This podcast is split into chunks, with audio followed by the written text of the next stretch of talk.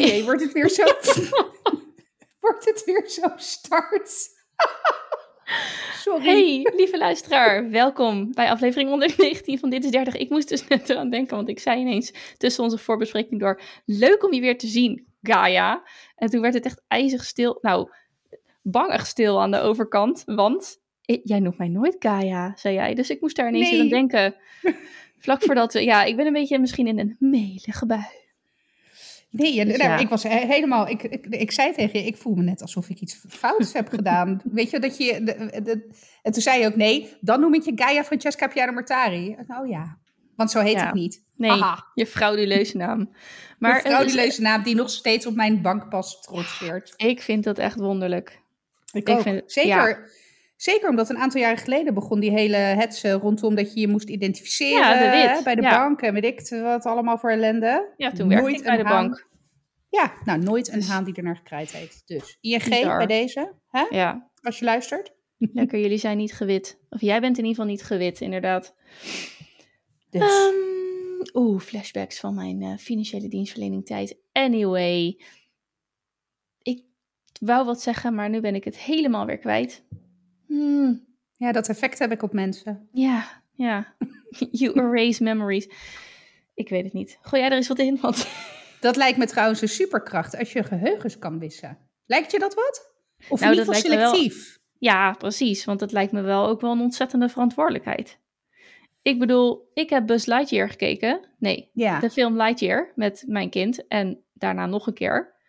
Ja, die wil natuurlijk, eh, komt zijn Je eh, bedoelt Toy uit de- Story? Nee, nee, nee, nee, nee, nee, Disney Heeft Plus. hij een eigen... Hij heeft zijn eigen film. En ik moet zeggen, het is echt een leuk... Het is wel een animatiefilm uiteraard. Maar eh, hij bleef me boeien. Het is een leuke film. Oké. Plus, nou ja, ik ben eh, sowieso wel fan van de Toy Story reeks. De reeks. Toy Story Rakes, Toy reeks. Story Rakes. En, eh, Oh qua de- jezus, dit wordt er wat jongens vandaag. hey, we zijn al 2,5 minuten weg. Anyway, ehm, het is ook qua diversiteit nog eh, eentje om je hart aan op te halen. Dus eh, helemaal leuk. Hm, nou, nice. Lightyear, meis. Lightyear. Ehm, Maar daar wordt, daar wordt het geheugen gewist. Nou ja, maar dan ga ik natuurlijk de spoiler vertellen. Oh ja, ja, nou ja, dat is waar. In ieder geval, laat ik het zo zeggen, hij komt voor een, ja, een catch-22 te staan. Een levensveranderend kruispunt, T-splitsing, waarin hij moet kiezen tussen het een en het ander. Dus Weet ja, je? Ja, het, is echt, eh, het is echt intens, ja. Ja, maar het is ook, ik heb, eh, later heeft uh, meestens al een filmpje te kijken over de making-of of zo.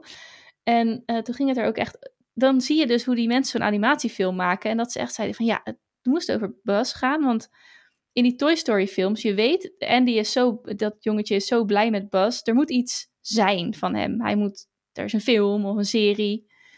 Maar dat wordt nooit, dat is er nooit. Daar in die Nee. films. Buzz is er gewoon en we zijn er mega blij mee. Hij is heel populair, punt. En, Tot aan ehm, de sterren en daar, daar voorbij. ja. Precies. Eh, to infinity and beyond. Maar Oh ja, ehm, in het Engels. ja. Eh, Kijk, kijken jullie animatiefilms in het Engels eigenlijk? Nee. Ik zou het wel liever willen. Ik ook. Ik zou het namelijk ook veel liever willen, want dan kijkt het voor mij ook echt een factor 100 prettiger in Ja. de originele taal. Ja. Maar de- is het helaas ook altijd het Nederlands wat het, wat. eh, Ja, maar het is niet dat ik wou ze... Want, echt want, weer een hele slechte vergelijking maken in de Nederlandse taal. Maakt niet uit. Ga verder. Het is niet ja, dat. Nee, het is niet dat ze geen Engels praten. Want Mason die spreekt echt al... nou, je kan hele Engelse gesprekken met hem voeren. Gewoon om het Ja, feit dat hij, ook. dat hij... Ja, dat hij op YouTube wel die Engelse YouTubers allemaal Ja. zit te kijken. Ja. En Louis begint ook al. Dus lekker man, doe je logopedie met hem en dan praat hij Engels. Ja, maar ik heb dat, ik heb dat dus met, eh, met Milo, eh, met het alfabet. Die, die heeft dus blijkbaar... eh, die, dat hele alfabet, dat dreunt hij dan op in het, in het Engels. Weet je? Oh, en, maar dan is het ook... Hij, hij begint nu dan te vragen... Mama, hoe schrijf je... Ja. Weet ik veel, aardappel, whatever. Ik weet niet waarom ik nu aardappel zeg. Maar dat heeft hij namelijk nog nooit gevraagd. Anyway, dan wil hij dus de letters weten. En dan zeg ik ook van ja, de eerste letter is een A. En dan als er dan een E in zit, dan is het ja de E. Hè? Of Ja. ik zei dan eerst de E. En toen dacht ik, oh nee, shit, dat moet natuurlijk fonetisch. Dus E. Maar dan schrijft hij dus een A, omdat E in zijn hoofd een Ja. Nederland... oh, nou ja, dat. Ja, nou dat heeft Louis dus ook. Ja. Maar goed, Oh. hey, ik, ik heb, we hebben niet besproken, maar je had het er net over eh Bus die eh, ook op, eh, in de categorie inclusief punt scoort. Ja, ja, ja. Heb jij de trailer gezien van de nieuwe Ariel? Ariel als in de Zeemermin? Zeker? Nee. Nee? Zo, ik, bedoel, ik weet dat je geen nieuws volgt, maar dit is toch wel echt is- een mega nee. grote bubbel waar je in hebt geleefd. Oké, nou, echt, die steen die wordt steeds groter boven mijn hoofd. Dus. Oh nee, maar dit is echt En fantastisch. Het is echt fantastisch, want ehm, de, het character, zeg maar, het is een live-action movie, heet dat dan zo? Wanneer de animatiefilm over wordt, of door echte mensen eh, wordt gespeeld. Ehm, dus het is een remake van The Little Mermaid. En eh, Ariel wordt gespeeld door een vrouw van kleur. Oh, nice. Hel, Hel, Helly, ik weet niet hoe je haar naam uitspreekt precies, maar Helly Bailey heet ze. En wat, echt, wat op een gegeven moment ook wel viral is gegaan, zijn de reacties van vooral meisjes van kleur, jonge meisjes van kleur, die dan dus eh, naar die trailer zitten te kijken. En het begint dan met eh, nou ja, dat iconisch liedje. Na, na, na, na, na, na, na, na. En dan nou ja, zie je het Rijk en het onderzee. En je ziet, ik weet eigenlijk niet of je Sebastian ook ziet. Maar anyway, je ziet dan dus omgeving. En in het eindshot zie je haar dus van voren op zo'n rots zitten in haar zeemerminnen Outfit. zijn. Eh, ja. Eh, maar eh, ze is, ze is een vrouw van kleur. Dus en je ziet dan die meisjes reageren helemaal van... "Oh, Mom, of whoever, she's Ja. black. Helemaal geëmotioneerd. En dan ook natuurlijk vanuit de caption van Representation Matter, weet je wel. Dus ik was echt super blij met deze ontwikkeling. Ik dacht Ja. echt, ik dacht echt, helle fucking loeia. Ja. Cool. Ja, Oh ja, ik ben ook helemaal onder de indruk van het feit dat die meiden dan zo reageren. Ja, nou dat, hè? want dat, dat, daar sta je dus Nee. ja, helemaal niet bij stil met onze witte cis eh, opvoeding. Ja. en onze eigen referentiekader als witte Ja. vrouw. Maar ehm, ja, ik, ik was eh, echt hard. Ik heb echt wel een traantje gelaten bij, eh, bij het zien van die reacties. Want hè, grote bek, maar echt een mini, mini klein hartje hier. Echt bijna niet te vinden, zo klein. dus, eh, dus ja, nee, dat, dat echt dikke, dikke, vette kudo's. Dus Cool. ik, ben ook wel, eh, ik ben ook wel benieuwd. De Little Mermaid, ik heb geen idee wanneer die uitkomt. Maar het zal. Dat kan ik nog wel opzoeken. ja. Leuk voor in de stories. Ja, die Sowieso ik heel braaf eh, maak. Nou, nee, maar echt, ik bedoel, ik vind je stories leuk als ze er zijn. Want ja, dat is Als- natuurlijk wel weer jouw stijl. Het is of alles of niks. Nou, prima. ik, bedoel, ik bedoel, de mensen die deze podcast luisteren hebben er waarschijnlijk meer geluisterd. En eh, lopen misschien ook al een aantal jaar met ons mee. They know. Ja, dat is waar. Ja, je bent Ja, helemaal lekker jezelf. Stay, stay true to character, inderdaad. Jazeker, nou ja, dat Nee, hele dat is- pasta, pasta koken in heet water, laat ik het maar even zo zeggen. Nou, dat Ja. wordt hier nu ook gedaan hoor. Ah, yes. Ik Ja. heb geïnfluenced. Ben ik nu ook echt Zeker. influencer? Vind ik wel. Yes. Ja, nee, als ik stories maak, dan, maar dan denk ik er ook wel echt over na, zeg maar. Dus dan eh, eh, eh, maak ik er inderdaad wel een soort van verhaaltje van, dat het ook nog, zeg maar, een soort van ergens over gaat. Met, is- nou ja, hopelijk hier en daar wat humor en zo. Dus Het is echt storytelling, ja. ja, vind ik ook echt leuk om te doen, overigens. Ja, nou, ik heb liever dat dan een hele hoop onzin. Dus eh, ik, ben heel goed in, eh, ik ben heel goed in het eh on the spot, in het, in het moment zijn en dan iets storyen. En dan denk ik later, ja, maar het slaat nergens op, het leidt nergens toe. Dus ik ben tevreden. hey, ehm, eh, ja, even, pff, ja, waar ga ik het over hebben? Ik heb zoveel om te vertellen. Nou, Nee. vertel, meid. Nou, ik ga deze even ingooien. Luister je wel eens klassieke muziek? ja, En zeker. wat, Ik heb zelfs op Spotify heb ik een lijst met klassieke muziek. oh, eh, zelf aangelegd of heb je een bepaalde ja, stijl nee, zelf gekozen? aangelegd. Nee, zelf aangelegd. Maar wat ik dan luister, want misschien was dat, volgens mij was dat je volgende vraag, is heel divers qua klassieke muziek. Ik ben niet, ik, laat ik het zo zeggen, ik ben niet van de opera. Dat, dat ja, raakt me toch minder eh, of zo. Ik, ehm, eh, ik, ik zit ondertussen even te kijken in mijn playlist, wat heb ik daarin staan? Ik heb Danse Macabre erin staan en Com- Comptine du Notre Été. en Virelise uiteraard. Nee, ja, dat is, als je het hoort, uh, dan herken je het. Dus ik ben wel van de herkenbare klassieke muziek. Ja. Maar ik kan me daar ook uren in verliezen. In het luisteren of in het zoeken daarnaar? Ja. Nee, in het luisteren naar klassieke muziek. Dat vind ik echt. Hmm. En ik word, nou, ik word ook heel snel geraakt. Ik heb ook regelmatig dat ik moet huilen om klassieke muziek. Ja, nou, ik heb nooit zo'n uh, interesse daarin gehad. Maar ik, ik wist al wel de hele tijd iets met pianomuziek. Dat raakt mij altijd. Of daar, daar ga ik goed op, of daar word ik zen van, of dat, dat doet iets met me.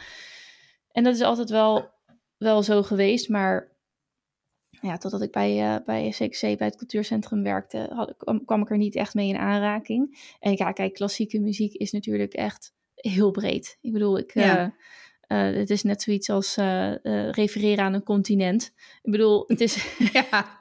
ja, waar ga je naartoe op vakantie? Ja. Naar Azië? Ja. Oké, oh, ja. Ja, ja, goed verhaal. We luisteren je naar klassieke muziek. Hmm, oké, ja, daar heb ik wat aan ik google het wel even, hè? Klassieke muziek. Ja, precies. nee, dus ik, ik ben ook een, een, een noob hoor. Dus, maar dat geeft niet. Ik, um, ik had daar nog een tip voor, dus dan halen we de tip even naar voren. Maar ik weet niet waarom, maar ineens werd die me in het YouTube-algoritme YouTube-algoritme aangeboden. En dat is Brooklyn Duo. En Brooklyn Duo, die heeft video's. Uh, dat is een duo dat speelt. Zij speelt op de piano en hij de cello. Nou, ben ik niet heel erg weg van de cello. Want ik vind het wel echt een intens en soort hard geluid. Ja, het, het kan heel snel snerend zijn of zo. Ja, ik kan niet anders, maar het is vrij mij... schel en scherp. Ja, maar, maar ook diep. Dus het is ook weer niet, het is niet dat je schel als in hoog, maar het is gewoon hard. Mm dus uh, uh, dat vind ik dan minder, of dat resoneert minder voor me. Maar goed, er is ook een hoop eh, piano bij. En uh, ja, ze, ze, maken echt, ze doen dat echt prachtig. En ze doen dan echt, weet je wel, popsongs doen ze naspelen. Dus het is zeg maar, uh, maar ook wel gewoon, klassie, gewoon ook wel klassieke stukken. En welke ik nu dus heel veel aan heb staan is, oh, ja, Petrol Bell. verschrikkelijk. Maar het schijnt een heel bekend wedding song te zijn. Oh, oh. Ja, Moet maar... je ons wat vertellen? Nee. Zeker niet. nee, je hebt het stiekem gedaan. Ja, precies. Oh, nou gaat natuurlijk mijn hele... Waar is hij? Hou op, hou op. Ondertussen kunnen we meegenieten van de ja. afspeellijst op YouTube van ID. Precies. Nee, dit is uh, Canon in D, Petrol oh, Bells ja. Canon. Ja, en dan de Best Wedding Version. En wat ik dus heel mooi vond daaraan, want ik ga het niet afspelen, want dat mag natuurlijk niet in, uh, in een podcast. Maar in de comments. En die probeer ik nu op te halen, maar dat wil nog niet helemaal lukken. Ja, in de comments zal ik even voorlezen. Het is van Prashan Yaya Tepam. During de, nou, de 30-jarige oorlog in Sri Lanka hebben we geen tv, geen electricity, geen education, no food. But as kids, we used to collect old batteries and operate a small radio. And would wait till they played this piece. Dus we wachten echt ah. op het spelen van dit. Uh, het tien voor 5 voor 10 voor de local news. The war is now over and the country is peaceful, but nothing can take away the memories this peace brings. Ja, dus dat is, hier staat ook, uh, only if they heard this version, they would have stopped the war. Listening to this piece was our only happiness during the war. And our tummies were empty, but our hearts were, were full. Dat is, dan denk ik, wauw. Dit is ook een stuk dat blijkbaar ook al 400 jaar inderdaad bestaat. En nou ja, dit soort uh, kijk, ik weet dat het wat met mij doet, dat het me tot rust brengt, dat ik het fijn vind om ernaar te luisteren. Maar toen las ik dit en toen dacht ik, jeetje, dat, het is weer zo, af en toe kom je er zo, ik kreeg ineens weer zo'n besef van, ja, ik zit hier gewoon van te genieten in mijn warme huisje op een veilig plekje. En dit betekent ook dit voor deze persoon die gewoon, um, nou ja, waarbij dit het enige lichtpuntje van de dag was, bij van spreken. Dus ik vond het een mooi, um, een mooi verhaal. En dat iemand dan dat zo deelt in de comments is natuurlijk ook prachtig. Ja. Um, maar besides that is dus Brooklyn Duo vind ik leuk om ook als tip aan te merken. Voor, weet je, als je er ook een beetje in wil komen. Net als ik een beetje op het punt staat van... Hé, hey, ik vind het mooi.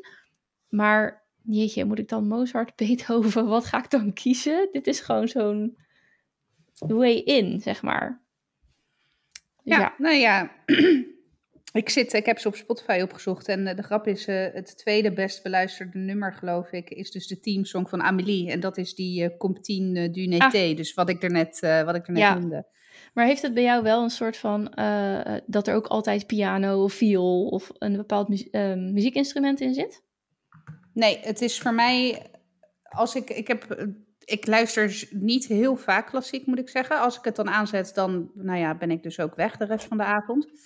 En dan ga ik ook een soort van op speurtocht. Het, het, het moet bij mij, um, en dat heb ik eigenlijk met alle soorten muziek, maar ik, misschien wel met klassiek in het bijzonder. Het moet me binnen een paar seconden bij de strot grijpen. Ja. Maar dat kan heel, dat kan heel wisselend zijn. Um, wat ik bijvoorbeeld ook prachtig, prachtig vind, is Ludovico Einaudi. Uh, dat is een componist, een Italiaans componist. Die maakt originals, uh, zeg maar. Wel klassiek. Uh, heel, vrij luchtig qua klassieke muziek. Maar ja, echt... Nou, ik kan daar... Ik, dat ik al zei, ik ben dus ook vaak heel erg geëmotioneerd door klassieke muziek. Dat is voor mij wel een soort van vereiste. Of ik, dat is eigenlijk voor mij de enige vereiste van wat dan klassieke muziek in het bijzonder met mij moet doen. Dat ik ja. erdoor geraakt ben. En soms niet eens alleen verdriet hoor, of, of emotie waarbij ik moet huilen, maar ik kan me er soms ook heel krachtig door voelen of ehm, heel opgewekt. Uh, en een paar jaar geleden zat Zeno, wil ik zeggen. Of uh, ja, nee, het was zeker Zeno, maar die zat volgens mij op YouTube gewoon. En je hebt een filmpje op YouTube en dat is een, um, een orkestensemble die had vertraging op een vlucht. En uh, nou ja, dan kan je gaan lopen signeuren. Of je haalt als uh, orkest je, je violen. In dit geval waren, het allemaal violen tevoorschijn. En die gingen een, uh, een stuk van Vivaldi, Summer van Vivaldi, oh ja. Gingen ze spelen. heel, heel, heel bekend stuk.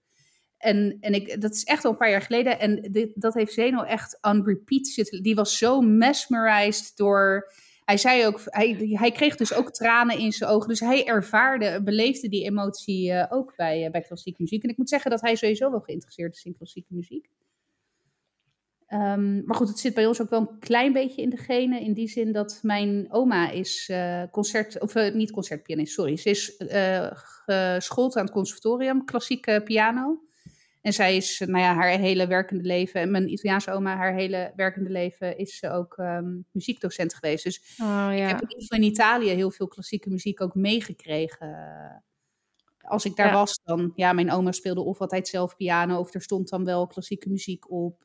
Um, dus het heeft wat, wat mij betreft ook wel in mijn vorming heb ik het wel een beetje meegekregen. Ja, nou wat ik, wat ik dus nu, nu, mee, nu ervaar is dat ik uh, um, uh, of dat dan met leeftijd te maken heeft of met het feit dat je er nu voor open staat. Eerst heb je een soort van woorden nodig om inderdaad een emotie of een muziekstuk te duiden. Dan ga je luisteren naar de woorden en dat raakt je. Dat kan nog steeds hoor.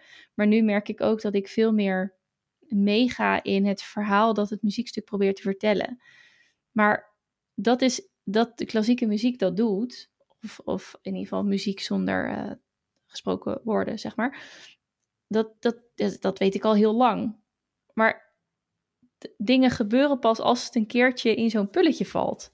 Dat vind ik mhm. altijd zo wonderlijk. Dat je echt denkt van ja, dit heb ik al zo vaak gehoord of gelezen. En dan zegt of iemand anders het een keer. Of je hebt het een, op een moment dat het precies goed valt. Of dat je je net heel vrolijk voelt en een vrolijk stuk hoort. Of andersom, dat je je verdrietig voelt en dat dat helemaal doorklinkt in zo'n stuk. Dat je het dan pas snapt of zo.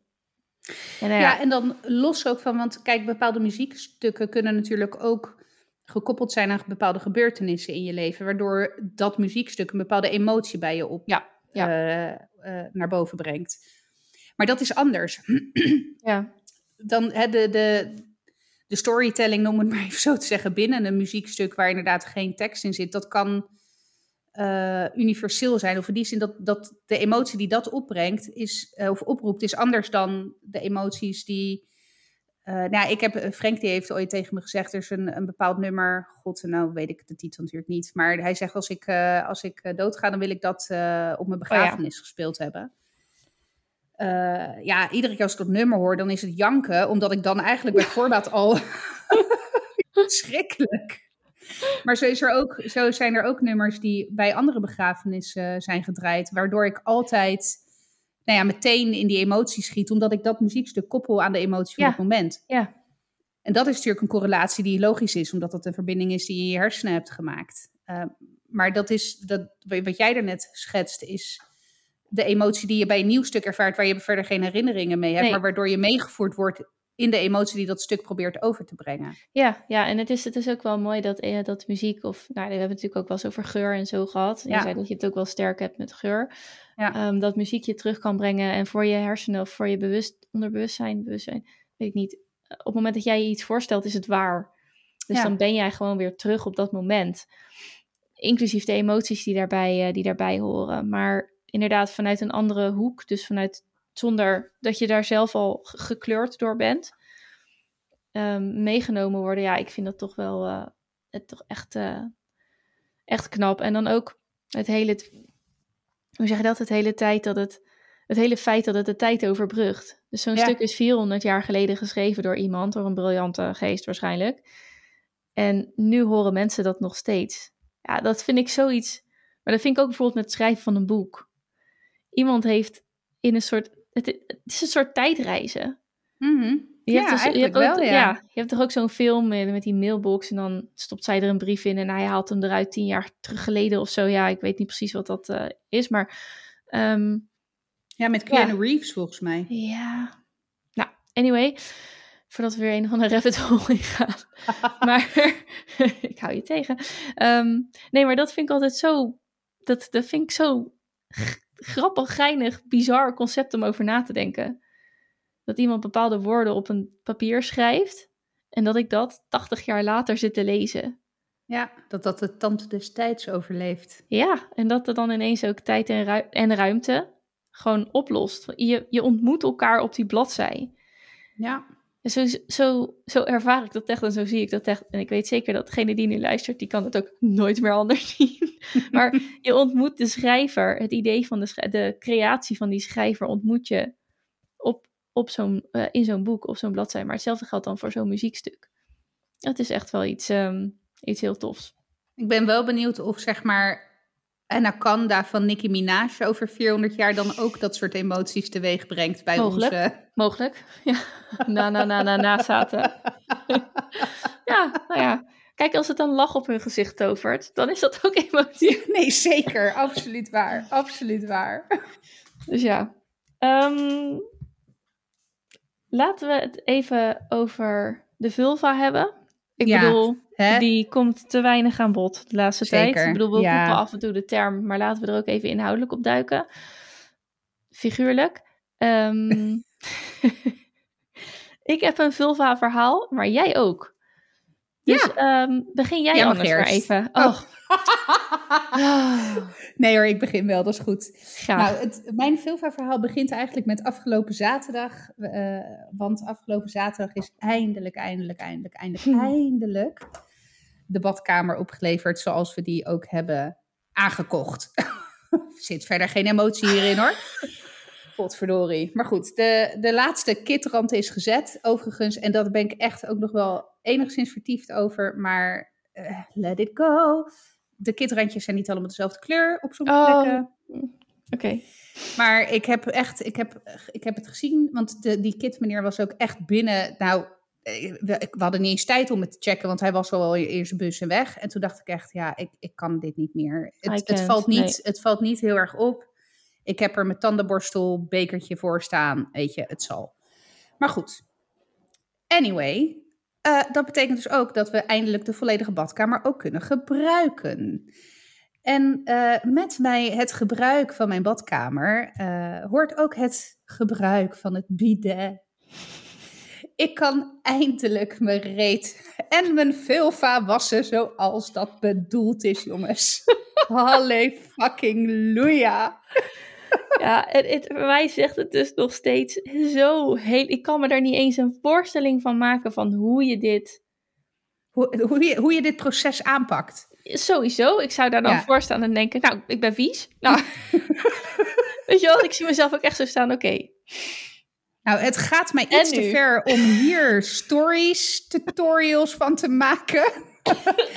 ik, ik weet niet of Instagram dat dan pikt. En Nee, inderdaad. Als ik een OnlyFans-account zou hebben, zou dat misschien nog wel een plek zijn waarop dat zou kunnen. Maar nee, ja, het is op zich niet zo heel ingewikkeld eh, om, je, om, je, om hem te gebruiken. En anders zijn er genoeg plaatjes op internet te vinden, lieve jongens en meisjes. Vast ook animaties, eh, hè, geanimeerde instructies waarop je dat kan doen. Maar anyway, ik was eh, toevallig ook ongesteld deze week. En dat is echt de godsend.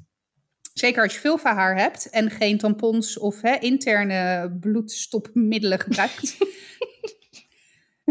Mooi, Dan- mooi omschreven. Ja. ja, dan ja, eh, een beetje vies praat misschien. Maar dan blijven er wel niet. eens eh, wat eh, bloedresten aan den vulvaharen zitten. Dus dan is het heel prettig dat je dat in plaats van dat je dus een douchekop op je kruis moet zetten om het een en ander los te weken. Dat je dat gewoon kan doen op de bidet met je broek gewoon nog aan en zo. Zonder dat je hele lijf ook nat is en je dat weer moet afdrogen. Dus nee, ik heb echt, ik heb echt zitten genieten terwijl ik mijn vulva weer schoon waste. van Ja. Ja, maar het, weet je wel, het feit dat ik, ik, als ik er ook aan denk van, want ik heb ook veel van haar gebruikmaandverband. Ehm, maar ik, ja, ik, de, de bloedresten is mij niet helemaal. ehm, dat gebeurt dan niet of minder. Misschien dat mijn haar netjes aan de kant gaat. Ik weet het niet. Ja, het is net de Mozes, zeg maar, Precies, die door de Rode Zee. ja. Ja, hè, dat. Ja. Ja. dus maar in plaats van, we doen het zeg maar een soort van andersom, want de Rode Zee kan er dan doorheen. Ja, precies. Ja, Ja, laten we het zo zeggen. Mozes-effect. Nou, precies. Het omgekeerde Mozes-effect. Ik noteer hem even. maar ehm, sowieso is het bij mij wel heel, ja, een soort van gevoelig. En sinds die bevallingen ook, dan krijg ik een soort, op een dag één of twee heb ik een soort, ja, een beetje krampen in dat bot of zo. Ik kan het niet goed uitleggen, maar het is pijnlijk, het is gevoelig, het is een eh. En het is warm water, neem ik aan Zeker. dat je daar gewoon warm water even overheen. Dan denk ik, oh ja, Ja. gewoon voor comfort, zeg maar. Ja, Als ik Nou, daaraan denk, als je dit nu zo omschrijft en ik denk alleen daaraan, denk ik, oh, ja, oh, ik krijg Ja, er wel een rustig gevoel van. ah. Ja. even los van het, eh, het hè, eh, hygiëne, het, je kruis eh, hygiëniseren, dat is geen woord, maar bij deze. Bidetteren had ik het ook al genoemd, hè, geloof ik. Ja. Eh, eh, los even van het kruis bidetteren is het ook echt een fucking briljant voor het wassen van de voeten van de kinderen iedere avond voordat ze naar bed gaan als ze niet douchen. Ah, ja. Dus het is echt een god, godsend. Ik wil nooit, en dat roep ik al jaren, ik wil nooit meer zonder bidet. Dit is voor het eerst in mijn leven dat ik een bidet heb. Maar ik wil dus vanaf dit moment nooit meer zonder bidet door het leven. Nee, maar jij kent het principe wel. Ik ken het, ja. Ja. ja. tuurlijk. Ik ben er in Italië, heeft ieder krot heeft een bidet. Ik bedoel, Ja, nou, dat. eh, het, eh, weet je, het maakt niet uit. Weet je, het hele huis, de, dat, hè, muren om ingestort, maakt allemaal gereed uit. Maar een bidet is zeg maar een primaire levensbehoefte voor iedere zichzelf respecterende Italiaan. De- dat is, maar dat is echt Ik zo. vind het ook zo mooi dat als je hierover vertelt, dat ook die Italiaan in kwestie naar boven komt. Want dit is natuurlijk way overdreven, maar ik vind hem leuk. Oké. Nou, dus maar eerst- dit is niet way overdreven voor maar Italianen. Echt primaire levensbehoefte. Zeker. Oké, nee, maar dus het is daar eh, blijkbaar net zo gebruikelijk als dat je een toilet hebt. Ja, nee, oh, ja, ja, ja, ab- 100 procent. ja. ja. Ja, even, maar dan even stomme vraag, hè? Want ik heb hier ook een wc beneden. Daar past echt niet nog een apparaat naast. Zijn die wc-hokjes daar dan ook zo breed of groot? Of is het dan allemaal gewoon heel klein? Snap je wat ik bedoel? Eh, ja, nee, ik snap wat je bedoelt. Ik, ik, de, ik zit wel even te denken. De huizen waar ik tot nu toe ben geweest, zat er echt wel de- op ieder toiletruimte zat er wel een bidet, denk ik. Nou, dat is niet helemaal waar, want je hebt wel, eh, je hebt wel ook in Italië, Italiaanse huizen heb je het fenomeen gastentoilet. In, Ja. in, eh, daar heb je geen, dat is inderdaad gewoon een klein hokje zoals wij dat ook kennen. En het is ook niet zo dat openbare toiletruimtes een bidet per se Oh ja, hebben. nou oké, ja. Eh, althans, ik heb ze inderdaad niet, niet meegemaakt. Dat is ook bijna niet hygiënisch te houden als je dat openbaar Nee, maakt. Nee. Want je zit er wel met je blote kont en vulva in, zeg maar. Of in, op. Op Bij, ja. Ehm, maar het is met name bij mensen... Kijk, mensen hebben, als ze dan een aparte gastentoilet hebben, bestuur ik ook hun eigen toilet. Dat zie je Ja. hier in Nederlandse huizen ook vaak. En dan in het, in daar, zeg maar in de badkamer, is er eigenlijk altijd een bidet. Ik heb nog nooit een huis, laat ik het zo zeggen. Ik heb nog nooit in een huis of hotel geslapen in Italië waar er geen bidetvoorzieningen waren. Nee. Dus het is, weet je, ik, het is inderdaad overdreven en gekscherend. Maar je moet het, weet je, eh, vraag het maar aan andere Italianen die, Oh ja, ja, al die anderen die ik ken. Nee, maar al die ik, andere, eh, ja. ik ben een beetje zeikerig vandaag blijkbaar. Want eh hij laat de Italiaan lekker naar buiten komen. Maar ehm, oké. Ja, en hier zie je het. Ik, ben, ik heb nog nooit in een huis geslapen waar wel een bidet aanwezig was. Nee, het Of is ook helemaal niet gebruik. Nee, Nee. maar het is ook helemaal niet gebruikelijk eh, hier in, eh, in Nederland. Überhaupt niet. Het zijn er relatief weinig landen waarin dat gebruikelijk is. Je hebt wel in Azië heb je natuurlijk wel de. Eh, is het wel cultureel en niet per se een bidet, maar dan heb je in Japan heb je die die die Ja, die douches, zeg maar. douche-toiletten en zo. Ja, maar daar zit het en- allemaal ingebouwd, een soort van. Precies. En, en je hebt, eh, je ziet, nou bijvoorbeeld bij mijn schoonmoeder stond ook altijd een fles water naast het toilet. Dus in die, in die culturen, Oh, eh, ja. in die culturen is het wel ehm, gebruik, gebruikelijk om water te gebruiken na een toiletbezoek. En jouw, jouw maar niet- was Indonesisch, toch? Ja, Ja, klopt. ja. Dus dat, dat, ehm, die, dat zit wel in de cultuur, maar niet op de manier waarop Italianen het hebben bedacht. Ik weet trouwens helemaal niet of een bidet een Italiaanse uitvinding is, maar bij deze claim ik hem gewoon namens alle 65, 66 miljoen Italianen, weet ik hoeveel er zijn. Dus eh, ja, dat. Ge- de- nou ja, je bent in ieder geval gelukkig. Ik ben zo gelukkig als kind, maar het is ook echt het feit dat die badkamer af is, is ja. echt. Dat we, eh, dat is, ik bedoel, we hebben hem een jaar geleden hebben we hem gekocht. ja, en ik weet nog, En ik- volgens mij 26 maart. Dat was de datum waarop ze het voor het eerst gingen slopen. Of was dat je Nee, dakserre? nee. Jullie. Oh, ja, dan was maart dat was de dakserre. Hm. Ja. Ja, nee, jullie. Nou goed, nog steeds eh, zit je gewoon in het gezeiken wekenlang. Maar ehm, maart is iets anders dan juli. Nee, fijn wel. En het Ja, bal- balletje? Het balletje? Ja, het balletje, het balletje is gefixt. Oké. Alles is oké. Nou, heerlijk. Alles is oké. Ja, het Fijn. enige is dus ja, die verschillende kleur kitranden. Maar goed, ja, het is wat het is. Ja. Het is nu klaar. Het is klaar. Ik, ga ook, ik, ik keek Frank ook aan. Ik zeg, nee, ik, ik ga hier niet meer over Dit is het. Dit is Ja. het. Nee.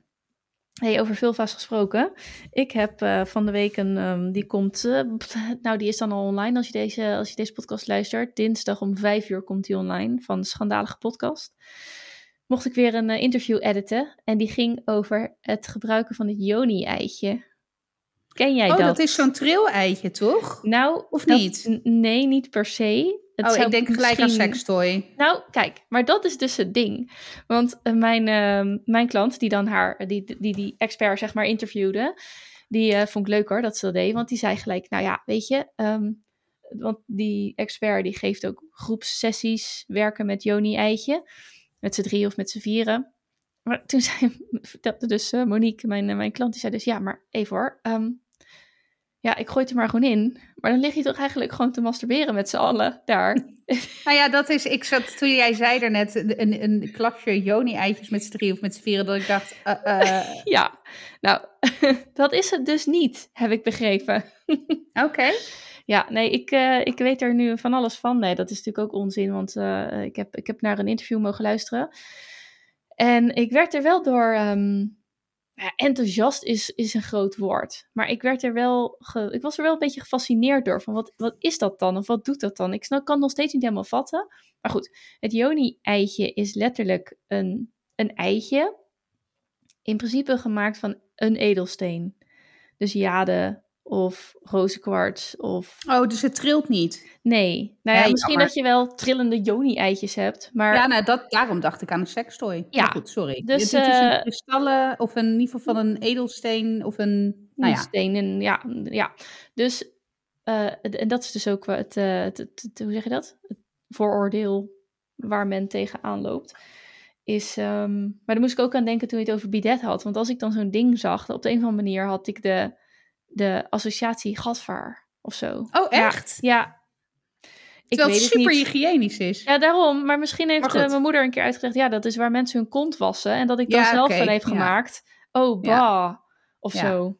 Maar goed, anyway, dat is met het Joni-eitje dus ook. Want je denkt gelijk, oh ja, weet je wel, dat, dat er iets, ja, ben je toch een beetje smerigs aan hangt. Terwijl, ja. Dat is wel grappig, want ik heb die associatie helemaal niet met sextoy, zeg Oh maar, ja. smerigs. Ja, helemaal niet. Ik, Nou, dacht, ik denk echt juist, let's hoppatee. go, kom maar door met ja, die... niet eh, ja, zozeer met sextoy, maar als je het dan hebt over groepsgebruik van een Joni-eitje. ja oké, nee, Ja. dat... de- eh, ja, nee, Smerig is misschien een beetje te, te straf gezegd, maar het is toch een beetje dat je denkt, hé? Maar goed, het is dus eh, nadrukkelijk eigenlijk niet de bedoeling dat je een orgasme krijgt in zo'n sessie, maar, maar ehm, het gaat erom dat je je lijf weer leert kennen, dat je je lijf kan gaan voelen, want het is nog best lastig om in je lichaam te zakken. Dus wat ik nu bijvoorbeeld probeer, en misschien dat de luisteraar daar ook iets van herkent of juist helemaal niet, maar eh, als ik nu buiten ga wandelen, dan probeer ik zeg maar mijn lijf te, mm, ja, te voelen, het bewust te zijn van mijn lichaam. En dat is best lastig.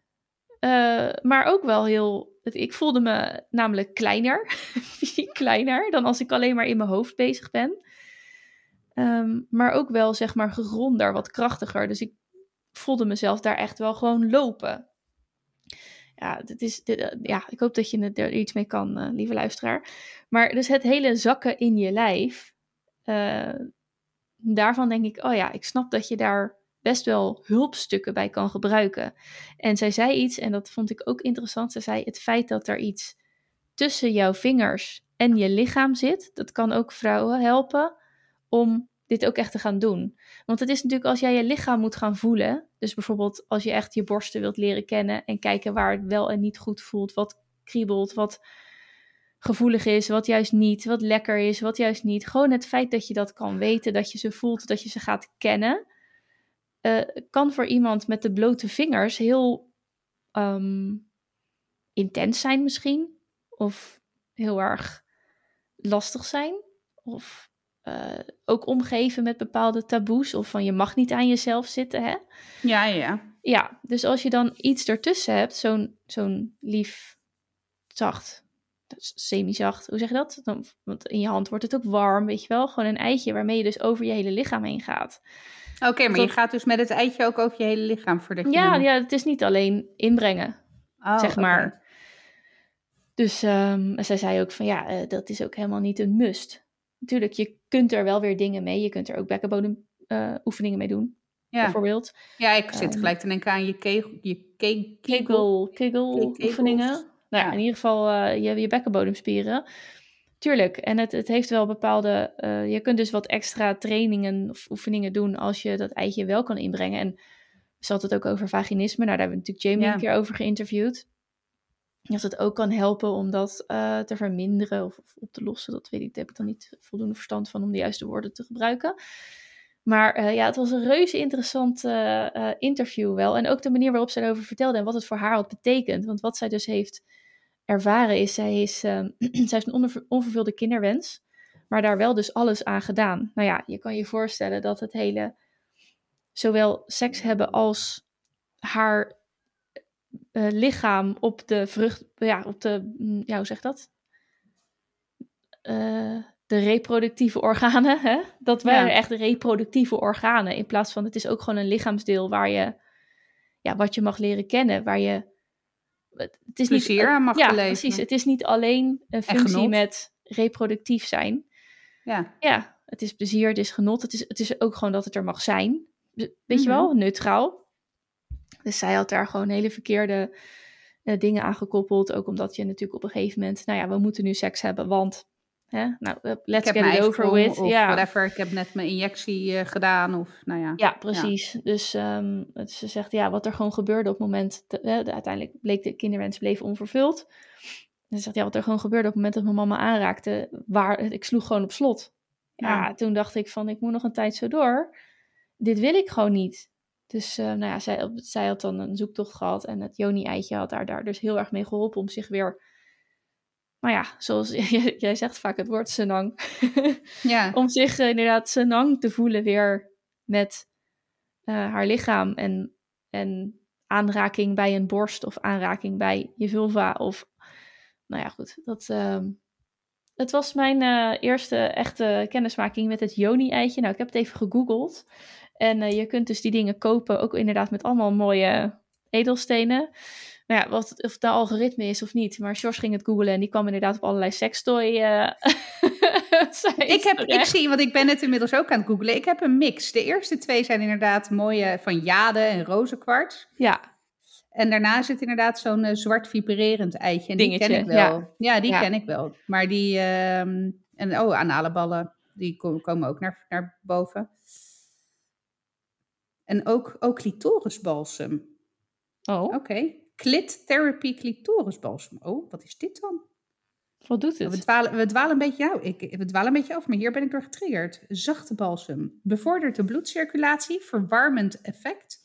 Steranijsgeur. Uh. Nee. Nou. Nou, en dit brengt me terug.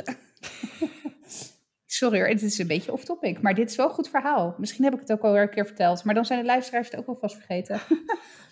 dat was het weekend trouwens dat Zeno is... Um, verwekt. Verwekt, ja. Eindhoven de gekste. en we hadden, we hadden uh, massageolie gekocht. Ja, die, die massageolie, er zat dus blijkbaar iets van rode peper in of zo. Maar dat hadden we dus ook al als glijmiddel gebruikt. En echt, oh. na vijf minuten stonden we met z'n tweeën hysterisch in de badkamer.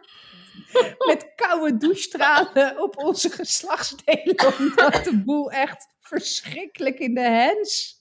Maar even serieus, als, als de, de zaadcel van jullie oudste hier gewoon helemaal doorheen is gezwommen, inclusief pilgebruik, ja. nou dan wat een doorzetter. Ja, zeker. Hij mag er zijn op alle... Hij, zijn punt wordt gewoon later, ik heb voor hetere vuren gestaan.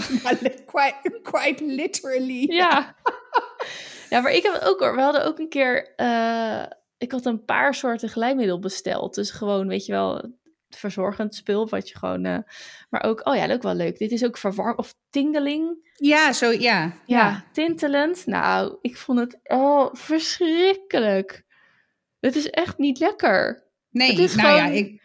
Het is gewoon, het leidt ontzettend af en het, je denkt echt, wanneer stopt dit? Ja, maar de grap, de grap bij ons was ook dat het, het was ook, het ging een soort van, het wordt natuurlijk steeds erger en erger. En in eerste instantie denk je dan nog wel, oh, oh, mm, oké. Nou, mm. wat gebeurt hier? En op een gegeven moment, ja, en op een gegeven moment kijk je elkaar echt aan zo van, oh, dit is, dit, kut, kut, kut. We moeten echt nu, dus we zijn echt bijna gerend in die hotelkamer naar de badkamer om de boel te koelen. En dat heeft echt nog even geduurd. Ik denk dat we echt wel, nou, weet ik veel, een kwartier, twintig minuten omste beurt met die, want het was, ik weet nog zo goed, het was een badkuip met daarin een douche. En dat werd omste beurt met die, met die douchekop tussen onze benen stonden. Nee, ik wil weer, het brandt, het brandt.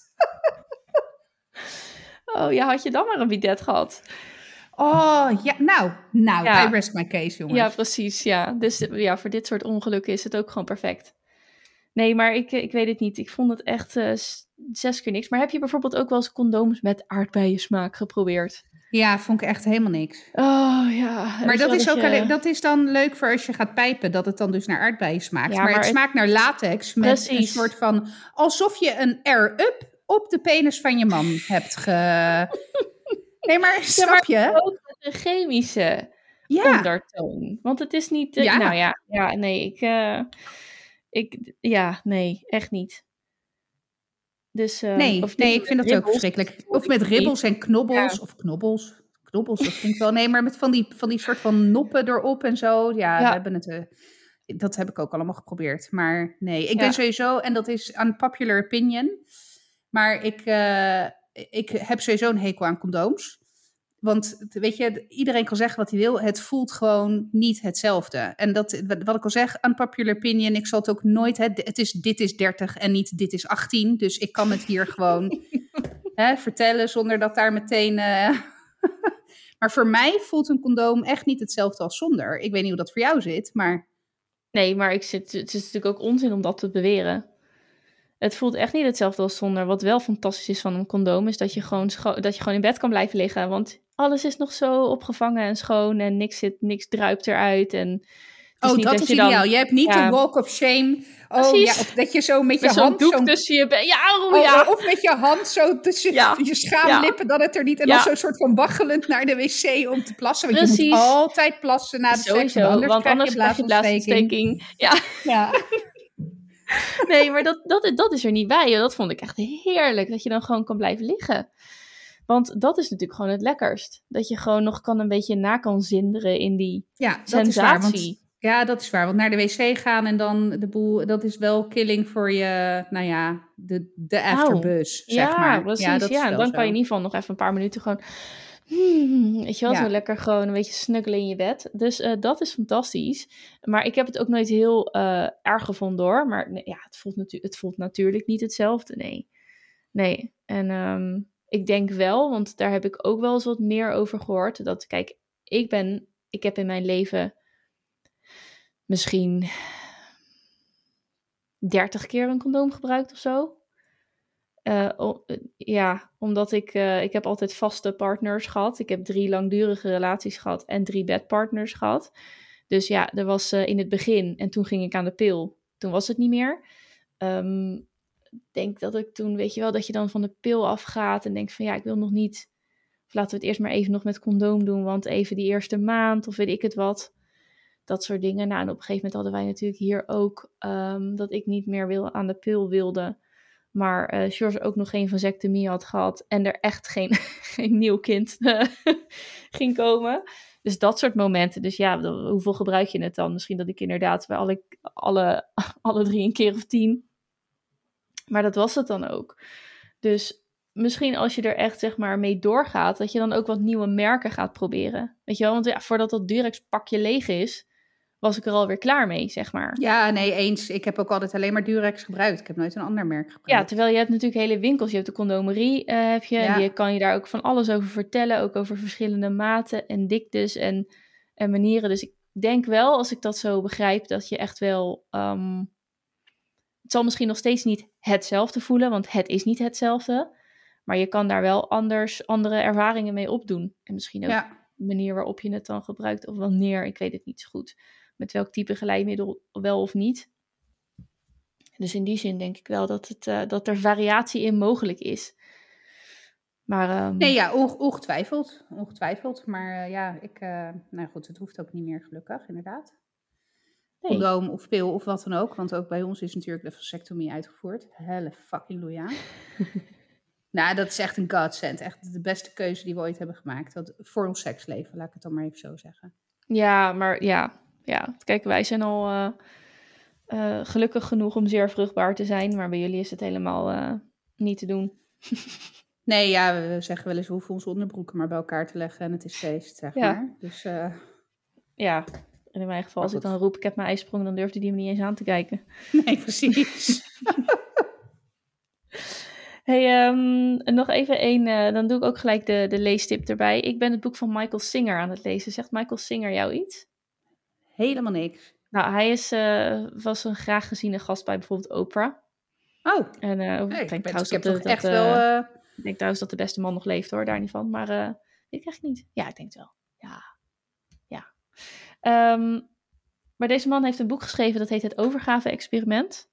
Leest heel lekker weg, want het is echt een verhaal dat verteld wordt. Maar het is zijn eigen verhaal. Hoe hij ehm, gaat mediteren en dan echt... ja, ik denk dat dat dan ook verlicht, verlicht raakt, zeg maar. Ehm, maar goed, dat is zeg maar zijn, zijn reis. Dus op een gegeven moment ontdekt hij het mediteren. En ah, wat hij dus ontdekt is... hey, er zit een stem in mijn hoofd en die praat de hele tijd. Maar ik kan daar naar gewoon van een afstandje naar luisteren. Maar het probleem is dat die, die stem nooit stopt. En daar gaat zijn zoektocht starten naar rust. Dus hij heeft een moment op de bank. Zit hij naast zijn zwager en zij zit gewoon over koeis en kalfjes te praten. En ineens valt er zo'n stilte eh, dat het toch een beetje ongemakkelijk is. Dus hij zegt, ik hoorde die stem ineens zoeken naar, wat zal ik zeggen? Eh, lekker weer vandaag? Of eh, wat hebben de, ik weet niet wat voor team, wat heeft die gespeeld? Of weet je wel zo? En ineens dacht hij, hè, dit zijn twee verschillende, ik, ik sta daar los van, van die stem. Maar hou op, die stem was gewoon de hele tijd aanwezig in zijn leven en gaf commentaar op dingen. Dit vind ik leuk, dit vind ik niet leuk.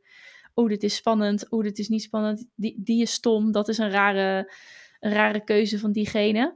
Uh, en hij is dus op een zoektocht om die innerlijke rust te vinden. Dus dat die stem in ieder geval zijn mond houdt.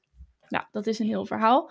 Op een gegeven moment komt hij echt in een soort verlichte staat van zijn. Dat hij echt nou ja, energiestromen naar het punt tussen zijn wenkbrauw, weet je wel, het derde oog, zo gezegd, hè, dat mm -hmm. voelt, voelt gaan. En nou, ik vind het best leuk omschreven, want het over, nou ja, hij is op een gegeven moment wel ziekelijk mee bezig, maar het overkomt hem toch ook wel een beetje, allemaal.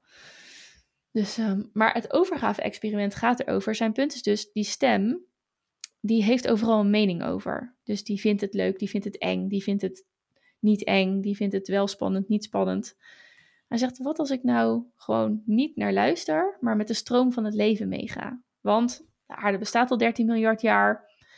Hè? We zijn een klein stipje in een oneindige ruimte en daarop ben jij nog steeds een nog, een nog kleiner stipje. Dus ja, wat, wat doe jij daartoe met al je meningen? Die aarde die draait wel door, ook als wij er niet meer zijn. En die, als je kijkt naar natuur en er is zoveel evenwicht en zoveel slimheid en het klopt allemaal, het is allemaal zo logisch. Um, waarom zou ik, als het leven nou zo werkt, waarom zou ik me er dan tegen verzetten? Kan ik niet gewoon meegaan met de stroom van het leven? En die blijft de hele tijd maar bij me. En het is, weet je, ik liet dus dit weekend liet ik de bananencake die ik net had gebakken, die haalde ik uit de oven omdat ik eigenlijk drie centimeter te kort ben voor de hoogte waarop de oven op staat. Die haalde ik eruit en die gleed dus uit mijn handen. En die, nou ja, die lag dus door, door heel de keuken. Nou, dat valt wel mee. Hij lag in de hoek, maar hij was zeker niet het, de, de, de cirkel meer die het beoogde te worden. Want Louis wilde graag een cirkelcake. En toen dacht ik ook, ja, niet dat ik me er anders heel erg druk om had gemaakt. Maar het feit dat je kan denken, ja, stroom van het leven. En dan weer gewoon verder gaat met nou ja, dan, dan ligt hij in 16 stukken in, in die bak waar ik hem in wil leggen. Oké, het zal wel goed zijn. Maar hij heeft dus ook, eh, op een gegeven moment gaat hij een stuk land kopen om op te wonen. Want hij wil dan wat verder weg bij de mensen wonen. Een soort van off-the-grid-achtig? Een uh... beetje wel, ja. ja. Zijn punt is van, uh, ik, hij werkt parttime op een gegeven moment op community college. Daar verdient hij 350 dollar mee. En het enige wat hij eigenlijk doet is yoga, mediteren, lezen en één keer echt intermittent fasting to the max. Eén keer per twee dagen een maaltijd salade eten. En dus af en toe lesgeven. dus hij wil gewoon in een hutje wonen op een stukje land. Nou, hij heeft op een gegeven moment, nou, iets meer dan een hutje hebben ze dan gebouwd. Maar uh, hij is dan een tijdje weg geweest naar een retraite. Dan komt hij terug en dan is ineens iemand anders. Want hij geeft ook wel bijeenkomsten waarin mensen dus mee kunnen doen met de meditatie. Een van die vrouwen die is gewoon bezig met ook een hutje op dat land bouwen. ja, ik zou echt denken, weet je wel? En hij zegt ook, ja, dan dacht ik, wie gaat er nou een hutje bouwen op iemand anders land? Ja, maar het staat aan de grens en als ik weg ben, dan kan je het gewoon gebruiken voor iemand anders of maakt niet uit. En dan heeft hij ook zoiets van, oké, nou ja, laat maar komen dan. Dus um, nou ja, later blijkt dat natuurlijk weer voor van alles en nog wat voor kansen te zorgen en allemaal dat soort dingen. Dus dat hele feit van, oké, ik kreeg bijvoorbeeld vandaag een DM van iemand. En die zei: Hey, ik heb je naam doorgekregen en ik heb die en die persoon naar jou doorverwezen, want het gaat om een podcast. En het lijkt me een leuke kennismakingscase, uh, om, want ik zou ook graag eh, willen aanbieden wat je aanbiedt. Uh, ja, als je meer wil weten, dat is een beetje lang verhaal, bel me maar even. dus er gaan gelijk 16 dingen in mij die zeggen: Oké, ten eerste, hoe de hel ben jij?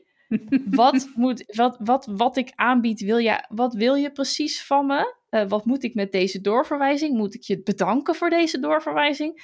Wat, wat bedoel je precies? Um, uh, en nu, jij wil iets van mij en ik moet jou bellen. Je stuurt een vaag bericht en je telefoonnummer eronder, zo van bel maar. Nou, daar gaat van alles aan. Terwijl ik nu kan denken, nou ja, stroom van het leven, blijkbaar. Ga je bellen, is de vraag. Ik, ja, ik ga morgen. Ik heb ook teruggestuurd. Nou, bedankt voor je berichtje en de doorverwijzing. Ik uh, probeer je morgenmiddag even te bellen. Ik nou, la, la maar, laat maar komen dan. Dus nou ja, dat, dat is. Nou, het, het, geeft me wel een hoop rust. Want in plaats van dat ik eerst nog een uur of anderhalf uur uh, er, erop kan verbijten en verzuchten van wat een gast, wat een gast, weet je wel. En dan vervolgens komt George Mhm. thuis en dan nog een keer anderhalf uur daarover te hebben van moet je nou eens kijken, wat is dit voor figuur, weet je wel. ja, kan ik nu gewoon denken, oh, nou oké, het blijkbaar de stroom van het leven heeft gezorgd dat deze kerel in mijn DM heeft geslide. Laat ik maar bellen, dan hoor ik het wel. Dus het overgave-experiment, boekje van Michael Singer. Ik heb hem nog niet uit, maar ehm, zeker een aanrader. Nou, ik ben benieuwd. Ja, laat jij je wel eens leiden door de stroom van het leven of verzet je je omdat je een mening hebt? Nou, dat, dat laatste vooral. Hè? maar ik, nou, ik had het, ik had het toevallig eh, vandaag met, eh, toen we buiten aan het wandelen waren met z'n tweeën in de lunchpauze. Hadden we het, had ik het erover, ik weet niet eens meer hoe we helemaal op het onderwerp kwamen, maar dat ik wel steeds meer en beter dingen los kan laten. Zo van, eh, nou ja, bewijs van, even als ik een jaar geleden een taart uit mijn handen had laten flikkeren, dan nou, was het huis te klein geweest. Nu denk ik inderdaad, ja, kut. Irritant, vooral dat ik alles moet opruimen en schoonmaken nu. Maar oh wel, weet je wel. Ja, ja. Ik, ik denk wel dat ik dat steeds meer, eh, steeds meer heb, maar ik denk wel dat ik dat nog veel meer kan doen. Want ik merk ook wel dat het een bepaalde rust geeft. In alles eigenlijk. Ja, en wat, ik, wat bij mij vooral ook eh, indruk maakt, is dat hij zei van die stem die heeft maar elke keer een mening over iets.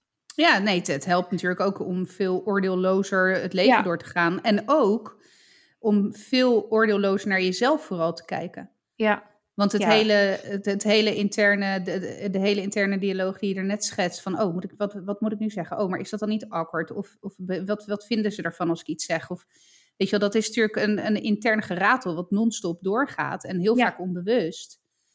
Eh, dus ik denk dat het je ook heel erg helpt om, en nou, en daar, daar is hij weer, meer senang met jezelf te zijn. met jezelf te zijn. eh. En, en dus ook oordeelloos naar jezelf eh, toe, te, toe te zijn. Ik denk dat het daarmee begint. Dat op het moment dat je steeds beter het voor jezelf los kan laten, dat dat je ook helpt om steeds meer oordeelloos naar andere mensen of situaties of whatever te kijken. Of om in Ja. ieder geval veel beter de nuances te... ja of in ieder geval om ergens te, eh, om vooruit te komen, denk ik. Want Ja. zijn punt is ook, wat als je je nou eens niet laat leiden door je eigen voorkeur? Ja, Ja. ook dat. Ja. ja, en dat is misschien nog wel lastig, omdat je natuurlijk een voorkeur hebt ontwikkeld op iets. Ja. Maar ja, hetzelfde als ik nu denk aan mijn, mijn eh, mening over een bidet. Bidet, bidet, bidet, zonder t, toch? Bidet, ja, ja. Ja. Het is, ja. Ja, als ik zeg maar mijn eerste associatie had blijven volgen van gatvaar, wat eigenlijk nergens over gaat, dan ga ik het ook niet proberen. En het is, dat is maar een klein onderdeel, maar zo zijn er natuurlijk heel veel. Je, je bent in het nu, het, het verleden bestaat niet meer en de toekomst bestaat niet.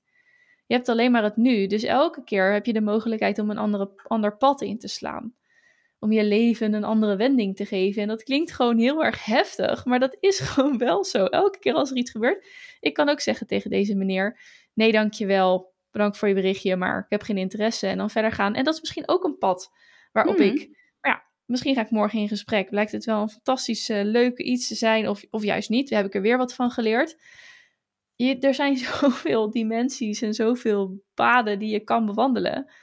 Maar ja, wat voor dingen ga je bereiken als je je niet laat leiden door je eigen voorkeur? Ja, ik, fasci- dat hele idee fascineert me best wel hoor. Van, het is, en inderdaad, het is ook lekker om het los te kunnen laten van... Waarom komt deze gast in mijn DM? Waarom praat hij zo? Wat is precies je punt?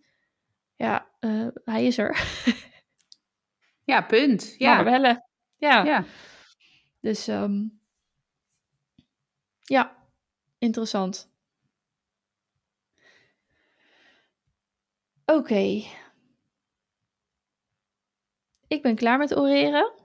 Maar ik zie, ik zie in mijn notities. Wil jij het nog hebben over? Ik wil het hebben over. Nee, sorry. Ik ga hem in. Want ik, ik, Ja. ik had nog twee dingen, maar die ene parkeren we gewoon voor een volgende. Eh, maar wat ik, wat ik wil benoemen, want dat was deze week in het nieuws.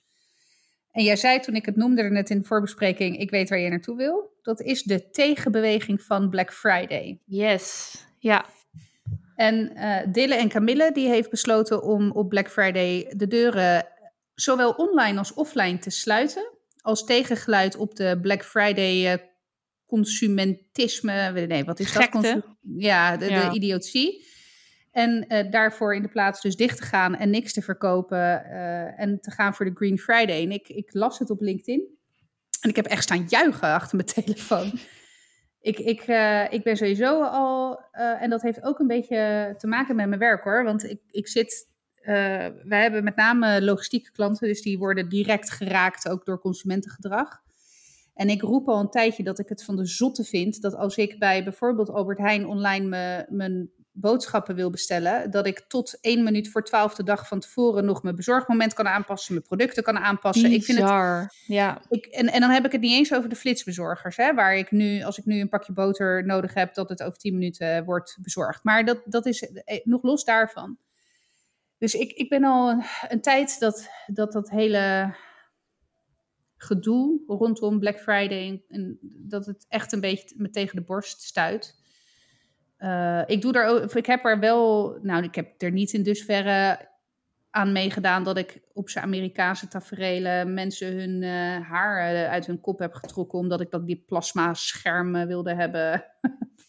maar wat ik wel doe, kijk, Black Friday is natuurlijk rondom de feestdagen, dus wat ik wel vaak deed, is kijken naar bepaalde wat duurdere dingen. en die kocht ik dan wel inderdaad op die dag, omdat er dan vaak toch wat hogere kortingen zijn.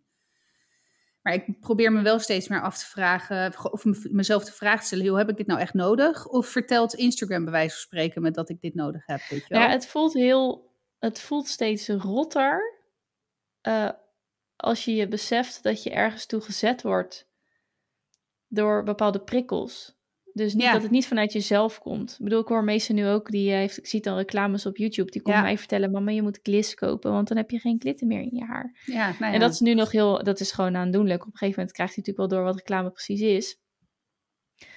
Maar dat voelt niet, dat, dat, dat je geleid of geduwd wordt door prikkels die een bedrijf je geeft. En die, dat je dus als een soort willow schaap ergens naartoe geleid wordt is dat een beetje wat je.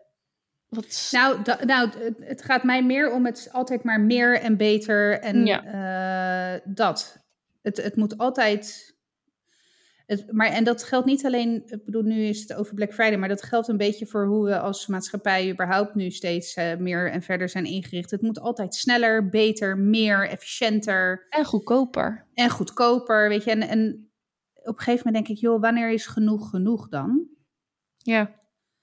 Het is een race, in, in, in de mode zeggen ze ook, we zijn bezig met een race to the bottom. Ja. Als we gewoon kleding terugsturen en die dan maar verbranden. Ja. Omdat het terugsturen Omdat het goedkoper is. Ja, ja precies. Ja. Omdat het goedkoper is dan, ja, nou ja, dat, dat. En ik ben echt niet rooms aan de pauze, want ik doe er zelf ook gewoon aan mee. Maar ik begin me wel, ik zit zeg maar misschien nu wel in de uh, bewust onbekwame fase. Dus hè, dat ik door begin te krijgen, hé, hey, maar dit, dit voelt niet meer lekker of dit klopt niet ergens.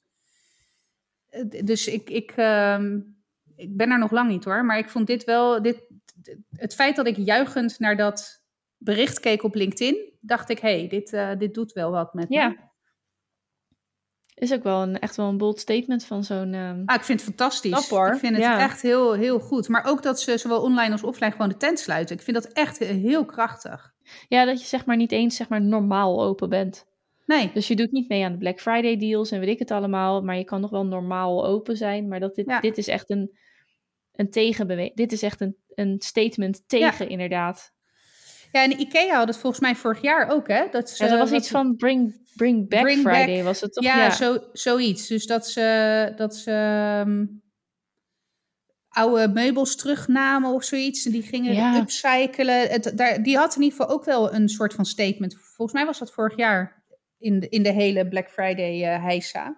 Want laten we eerlijk zijn, in Nederland is het een fenomeen wat nog niet eens zo super lang. Ja, inmiddels nee. misschien ook al wel weer tien jaar hoor. Maar het is in, in, in Amerika is het al decennia lang is het een fenomeen. En ik moet ook heel eerlijk zeggen dat daar de kortingen die je kan krijgen zijn. Ik heb het wel eens met Frank erover gehad, want hij heeft natuurlijk in Amerika en Canada gewoond. De kortingen die je daar ziet op Black Friday zijn ook echt extreem. Zijn dat, ik bedoel, hier heb je een korting, weet je, tot 30% is een beetje hè, gangbaar. En dan is het ook nog op de adviesprijs. Dat Ja, vind ik en- trouwens sowieso Ja, de precies. farce van Black Friday. of ze hebben het de week ervoor eh, of de maand ervoor de prijs opgehoogd, zodat je Precies. niet 30, maar 5% korting hebt. Ja. Precies. Dus dat is natuurlijk, dat, maar dat is een heel ander verhaal. Ehm, dus, dus het is natuurlijk vanuit Amerika overgebreid, zoals al die eh idiote, nou ja, trends vaak uit Amerika overwijen. Het is niet allemaal idioot hoor, maar dit soort dingen, dit, dit is natuurlijk ook typisch Amerikaans. Als je het hebt over eh, kapitalisme en, nou ja, Groter, meer. ja, better. Ja. Dus maar goed, shout-out to Dylan en Camille, dat ze Nou, er niet in meegaan. En eh, ik vind het sowieso een leuke winkel, trouwens. Ja, Echt fantastisch. Met al die Ja. kleine prelaria en dan zo'n schepje voor in je suikerpot, Ja, weet je. Ja, waar haal je dat? Ja, dat haal je bij de Dylan en Camille. Ja, olijfhouten schepje of zo. Ja. inderdaad. love it. Ja, ja, het is ook zo. Het zijn ook van die mooie winkels.